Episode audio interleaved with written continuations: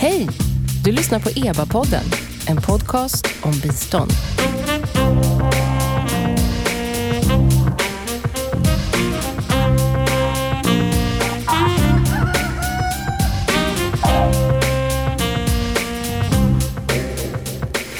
Ja, välkomna till EBA-podden. Jag heter Nina Solomin och EBA står för Expertgruppen för biståndsanalys. Och det är en statlig kommitté som utvärderar och analyserar svenskt bistånd så att det kan utvecklas och förbättras. Och det här uppdraget är ju jätteviktigt och det kommer från regeringen. Men lika viktigt att veta är att Expertgruppen för biståndsanalys är oberoende och självständigt bestämmer vilka rapporter som ska publiceras och vad som ska utvärderas inom svenskt bistånd. Ja, den här podcasten har vi startat för er som är intresserade av våra resultat och av att höra samtal kring aktuella och intressanta biståndsfrågor. Och idag ska vi prata om ett begrepp som är ett av de mest aktuella och använda inom både biståndsbranschen, kan man väl kalla den för, biståndsområdet, och väldigt många andra branscher också för den delen, hållbarhet. Och det är ju något självklart bra, tycker ju alla. Men är det alltid nödvändigt med hållbarhet inom bistånd? Och hur hållbart är bistånd i praktiken? Är det viktigt ens att bistånd är hållbart? Bland annat det ska vi prata om här idag. Och med mig här i studion har jag Kim Fors, som är framstående Framstående forskare, sa jag det? Ja, framstående forskare och konsult. Fristående är du också, med lång erfarenhet av utvärdering inom bistånd. Och du har dessutom skrivit flera böcker om utvärdering. Och sist men absolut inte minst, Kim Fors är också ledamot i expertgruppen för biståndsanalys. Välkommen! Tack, tack. Vid bordet sitter också Marcus Burman som är utredningssekreterare på expertgruppen för biståndsanalys och som författat en rapport om hållbarhet som kom ut tidigare i år. Eh, rapporten har ett långt och vackert namn. Livslängd och livskraft. Vad säger utvärderingar om det svenska biståndets hållbarhet? Hej Marcus! Hej, hej! I din rapport så granskade du 114 utvärderingar av svenska biståndsinsatser som gjorts åren 2012 till 2014. Och av dem så är det bara 20 som bedöms vara hållbara, medan 46 var lite hållbara eller delvis hållbara och 48 var överhuvudtaget inte hållbara. Och då undrar man ju, inte det är ett förfärande resultat? Ja, jag vet inte om jag skulle säga förfärande där. Det är ju Eh, en väldigt eh, ett viktigt resultat i sig, men eh, tittar man på vad andra givare internationellt och internationella biståndsorganisationer har kunnat se i tidigare utvärderingar och studier så ligger det ganska mycket i linje med det. Men det, eh, fort, frågan är fortfarande väldigt viktig. Så att det, eh, man ska inte få panik över det här, men det, men det är en viktig, det finns en, en, eh, någonting viktigt att ta med sig från de, från de resultaten. Viktigt att säga i det sammanhanget är ju att det, man måste också bedöma eh, biståndsprojekt och biståndsinsatser ur andra perspektiv än bara ur ett hållbarhetsperspektiv. Man måste också relatera det till de behov som finns.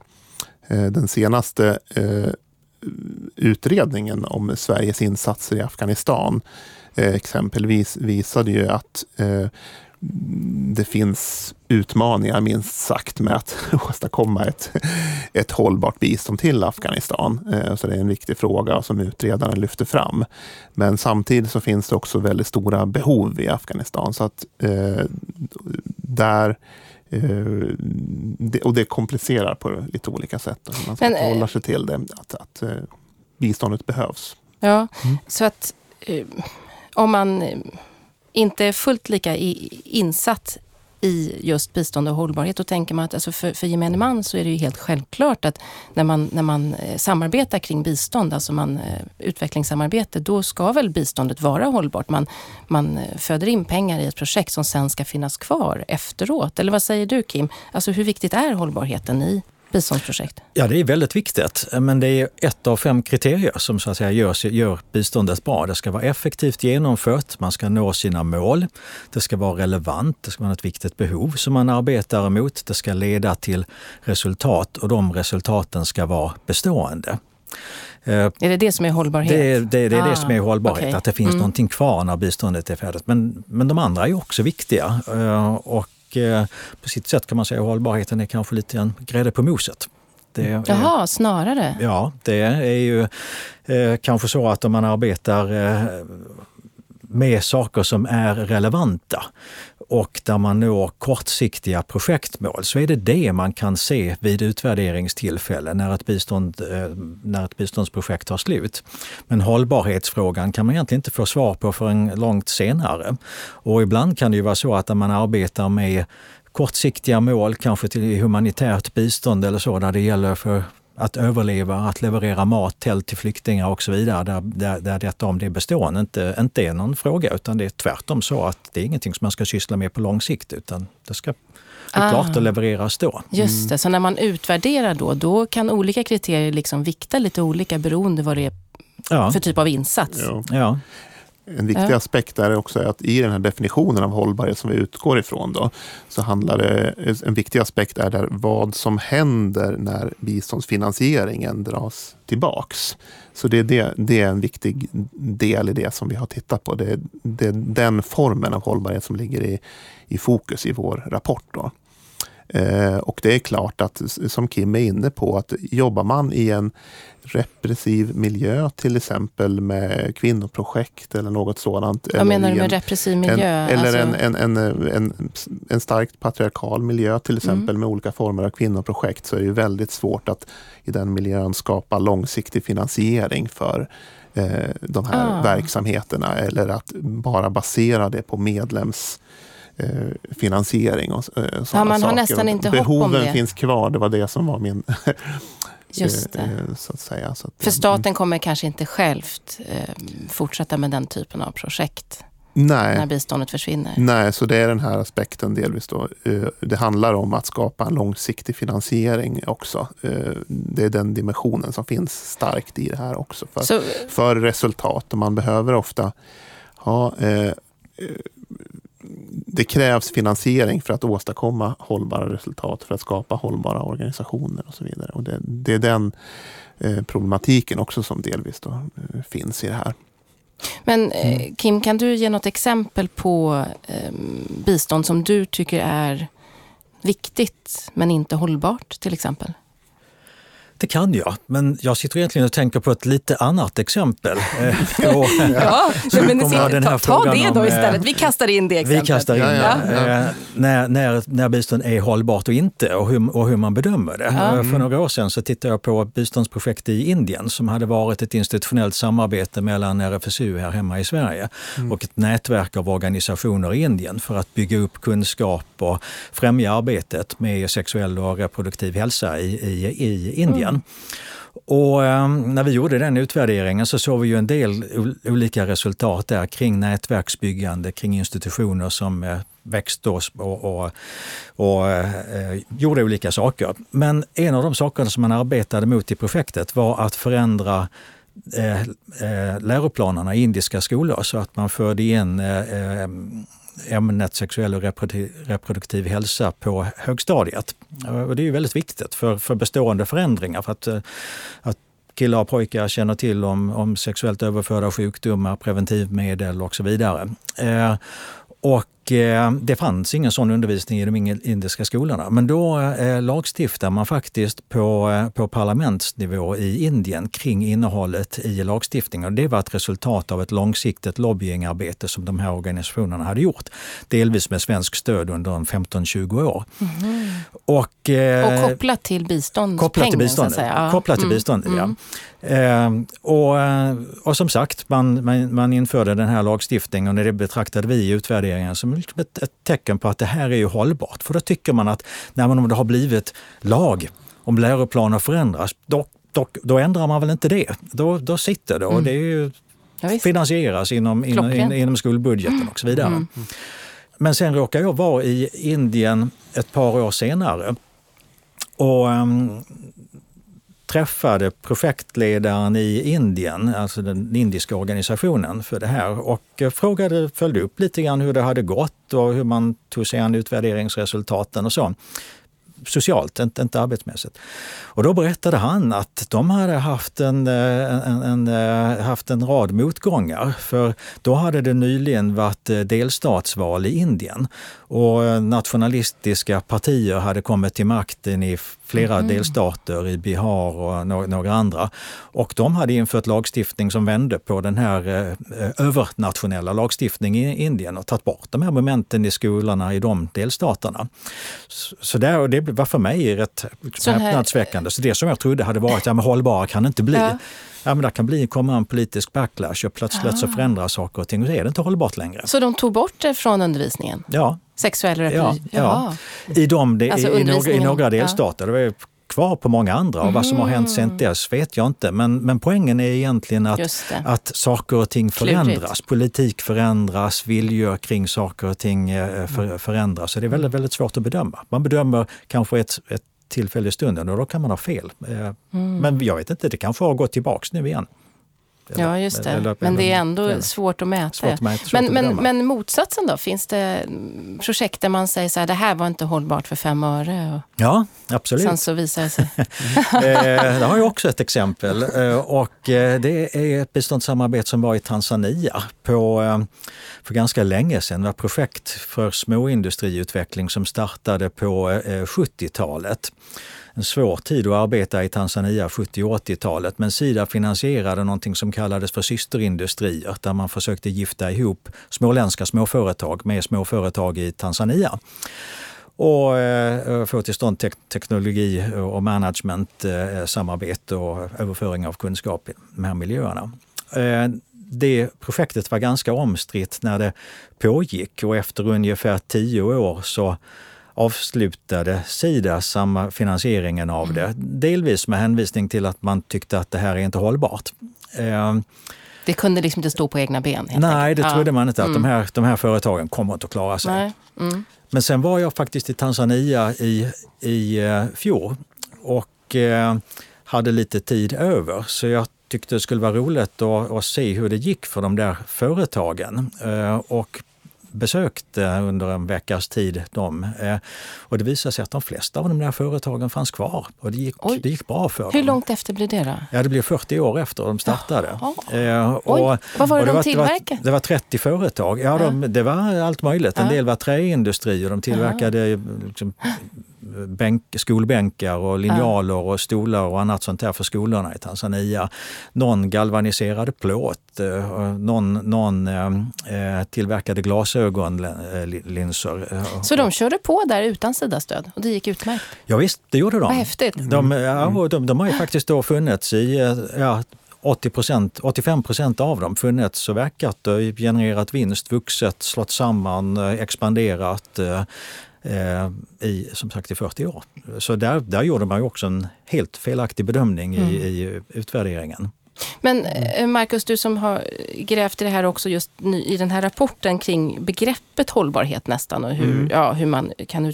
Alltså, finns det något bistånd som eh, står ut där man kan säga så här, jo, jo, men eh, hjälper man till att finansiera en väg då vet man. Då är det hållbart. Eller, ja. eller jag vet inte, hur ska man jag se på att, skolor? Jag tror att eh, en viktig fråga är att vi, vi har inte tillräckligt mycket kunskap om, om de frågorna, tror jag. Så det är det mera som får vara ingången i det. Men jag tror att det är en, en viktig fråga att borra vidare i framöver. Eh, det finns en, en eh, tanke som är ganska vanlig i biståndet om att Eh, den här äldre typen av, den typ av projekt som man bedrev i biståndet ja, på 70, 80, 90-talet och sådär. Eh, eh, och ännu tidigare också som var mer kanske inriktad på att bygga skolor och sånt där. Vägar, infrastrukturinvesteringar överhuvudtaget. Att det eh, kanske inte var så hållbart. Det är en, en föreställning mm. som, är, mm. som är återkommande. Men mm. jag tror att, att man skulle behöva borra lite mer i den. Ja. Eh, för det, eh, en, en typ av bistånd som är väldigt viktig idag, eh, det är det som kallas för kapacitetsutveckling. Eh, capacity development kallas okay. det. Och det handlar ju i praktiken ofta om olika former av utbildningar, att stärka kunskapen hos eh, folk. Vi har, ja, ja, vi har till exempel, eh, kan man nämna, arbetet kring att stärka kapaciteten på statistikområdet som, som mm. Sverige mm. jobbar med. Och där tror jag vi behöver för framtiden mycket bättre kunskap kring olika dimensioner av eh, hållbarhet i, och där man kan jämföra olika mm. typer av bistånd. För jag tror att hållbarheten ser, eh, det är möjligt i alla fall, att hållbarheten ser lite olika ut i olika. Men eh, jag tror just också de här mer mjuka frågorna är viktiga att, att borra i. Eh, ja, olika former av utbildningsinsatser. Hur ska man tänka kring ja. hållbarhet där? Ja. ja, det kan ju också vara att man utbildas och sen så drar man till USA och jobbar där. Det är inte så hållbart. Nej. nej. nej. Men eh, Kim, vad, vad har du att säga om skolsystemet i Afghanistan och hållbarhet? Som ett exempel. Alltså, det, det, är väl, eh, där, där, skulle jag tro att eh, den kunskap som förmedlas till, till, till barn, i den mån man lär sig läsa, man lär sig räkna, så det har man ju med sig ut i livet. Eh, det, det är ingenting som man glömmer bort. Det, det är hållbart. Sen kan man tänka sig att det finns andra aspekter av, av en läroplan som historieundervisning och annat sånt där. Man kanske eller, eller, eller eh, eh, fysik och kemi och sådant som man glömmer bort om man inte, om man, om man inte använder det. Men, men de här baskunskaperna som man får i grundutbildningen, de är ju med en i resten av, av livet. Och även de andra ämnena som, som kommer in är ju med en som människa, även om man kanske liksom glömmer bort detaljerna om vilken kung som regerade var och hur molekylerna, sockermolekyler ser ut. Man tränas ju i att tänka och minnas. Man, man tränar sig att tänka och så. Ja. Men, men menar du alltså tolkar jag det rätt om du menar alltså att, att när, om Sverige ger bistånd till skolor i Afghanistan så skulle du beteckna det som hållbart? Ja. Jag menar för dem, men om biståndet dras tillbaka, finns skolorna kvar tro? Det vet man ju inte riktigt eh, och därför, det, det, får man skilja på. En sak är ju då, kommer, kommer en framtida regering i Afghanistan att kunna liksom hålla utbildningssystemet på den nivå som man eventuellt lämnade. Kommer byskolan att kunna underhållas? Blir det nytt tak eh, när det gamla mm. rostar sönder? Ja, eller om det blir krig eller, igen. Eller, eller blir det krig. Ja, och då är det förstås så att då är det en stor osäkerhet mm. och det är inte så givet att det kommer att finnas finansiering för att upprätthålla infrastrukturen eller betala lärarna löner eller sådant. Men det som barnen har lärt sig, det är ju med dem i resten av livet. Och det visar ju på hur, hur, många olika saker man måste bedöma när man diskuterar uh, hållbarhet. Egentligen. Mm. Intressant. Ja, precis. Och jag, jag tycker också eh, en viktig aspekt att nämna här, eh, givet det som, som Kim nämnde med sina exempel förut, är att lärdomen från det tycker jag att eh, vi behöver bli duktigare i biståndet på att se de här lite längre perspektiven eh, i term, när vi jobbar med utvärderingar och titta, göra långsiktiga bedömningar av, av insatser.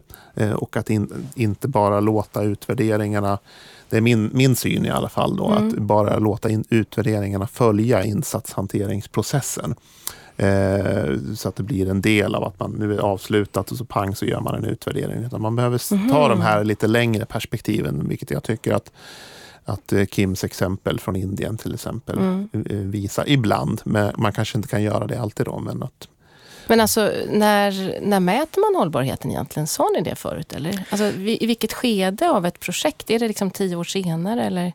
Det finns inget självklart svar på den Nej. frågan, men jag tror en av problemen med det som, som du tar upp i, i, i din rapport, Marcus, det är ju att uh, utvärderingar görs ju ofta när ett projekt tar, tar slut, eller till och med strax innan det är slut, för, mm. att, fatta, för att då fatta beslut om man möjligtvis ska fortsätta ah. med det.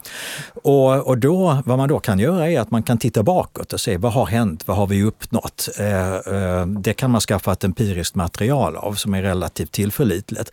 Men när man bedömer hållbarhet i den situationen måste man ju titta framåt. Mm. Eh, och då är ju de vanliga utvärderingsmetoderna med hur man samlar in och analyserar mm. data, det är inte tillämpligt längre. Utan då mm. måste man ägna sig åt en framtidsbedömning som kan sträcka sig 5, 10, 15 år framåt, framåt i tiden. Mm.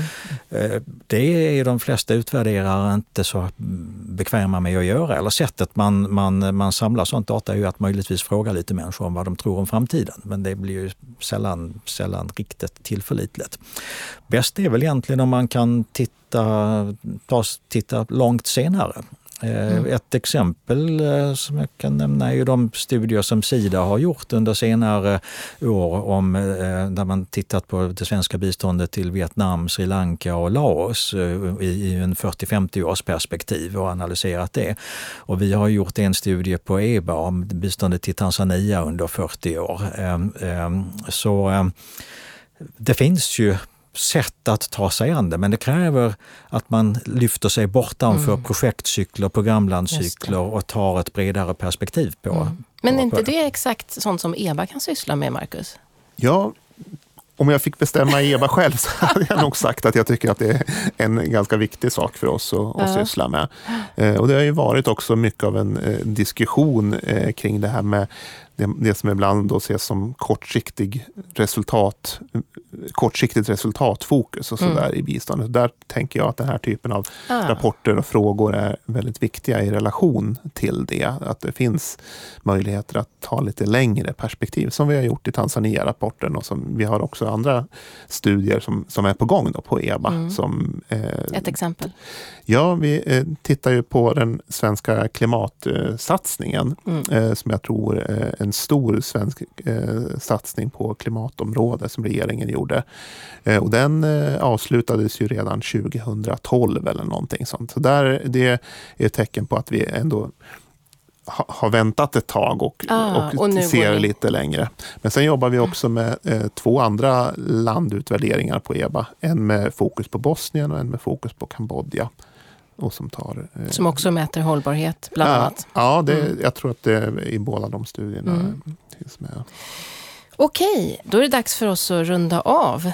Och eh, jag skulle vilja säga tack till Kim Fors, Marcus Burman. Tack, tack. Och mm. eh, så ska jag berätta också för lyssnarna att det är så här flott att Marcus Burmans rapport, EBA-rapport, som ju, ja, nu ska jag läsa upp den här långa titeln igen. Livslängd och livskraft. Vad säger utvärderingar om det svenska biståndets hållbarhet? Det här var nästan som poesi, eller hur Marcus? Ja, Den finns helt gratis på www.eba.se att ladda ner. Man kan också få den i print om man föredrar det. Då får man höra av sig till oss. Och det finns en massa mumsigt på vår webbsida som eh, dessutom blir ny nu i höst 2018. Eh, man kan lyssna på seminarier i efterhand, man kan titta på seminarier i efterhand. Man kan läsa vad vi har på gång och är man, är man forskare så kan man också se vad vi har för utlysningar. Eh, så tack kära lyssnare för att ni har varit med oss. mejla mig om ni har synpunkter på det här avsnittet eller andra. nina.solomin gov.se. Och eh, om det är negativ kritik så kan jag säga att det kommer fastna i mitt spamfilter. Men eh, ja, positiva saker välkomnas. Nej, jag skojar. Ris och ros, allt är välkommet. Lyssna gärna på fler avsnitt av Eva-podden och eh, tipsa era kollegor och bekanta om att den finns. Alla som är intresserade av bistånd, tipsa grannen. De närmaste avsnitten nu så kommer vi att tala om väldigt mycket rafflande saker, till exempel gapet mellan humanitärt och långsiktigt bistånd. Vi kommer prata om varför budgetstöd är en gravt missförstådd form av bistånd och dessutom kommer det handla om bistånd i krympande demokratiskt utrymme. Ni kan följa EBA på Twitter, där heter vi EBA kommitté på engelska. Jag heter Nina Solomin. På återhörande.